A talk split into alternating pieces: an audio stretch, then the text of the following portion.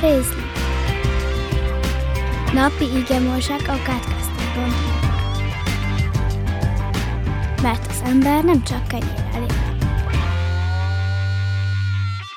Sámuel második könyve, második fejezet, első tizenegy vers. Ezek után Dávid megkérdezte az urat, fölmenjek-e Júda valamelyik városába? Így felelt neki az úr, menj föl. Dávid azt kérdezte, hova menjek? Ő így felelt, Hebronba.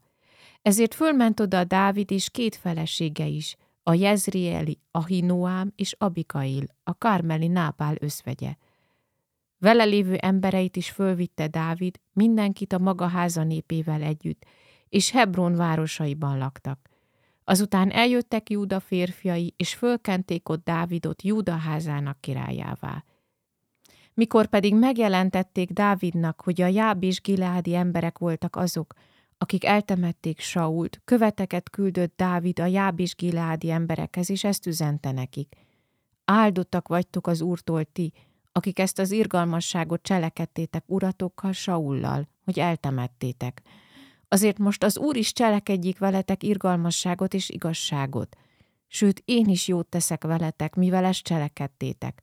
Most azért erősítsétek meg kezeteket, és legyetek bátor férfiak, mert meghalt a ti uratok Saul, és immár engem királyákent Júda háza maga fölött. De Abnér, Nérfia, aki Saul fővezére volt, fölvette Isbósetet, Saul fiát, elvitte Mahanaimba, és királyát tette Gileád, az Áseriek és Jezriel városa fölött, Efraim és Benyámin nemzetsége fölött, az egész Izraelen.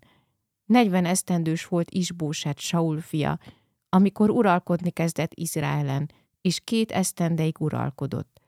Csak Júda háza követte Dávidot.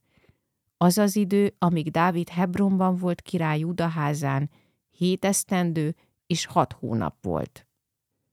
Ezek után Dávid megkérdezte az urat.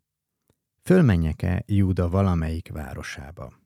Sámuel második könyve, második fejezet, első vers. Kérdezz, felelek.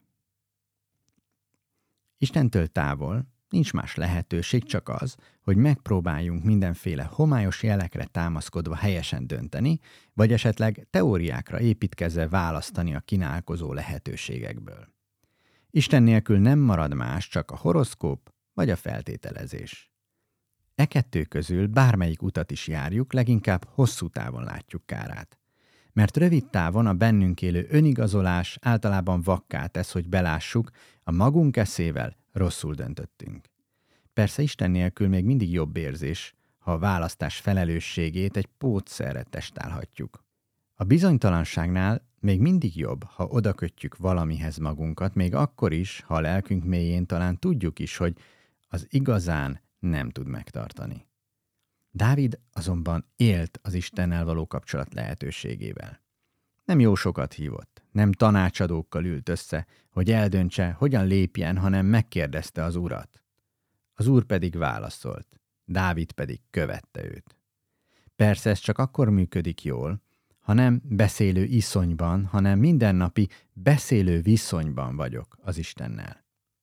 Különben a sok zavaró zaj között süket leszek meghallani válaszát.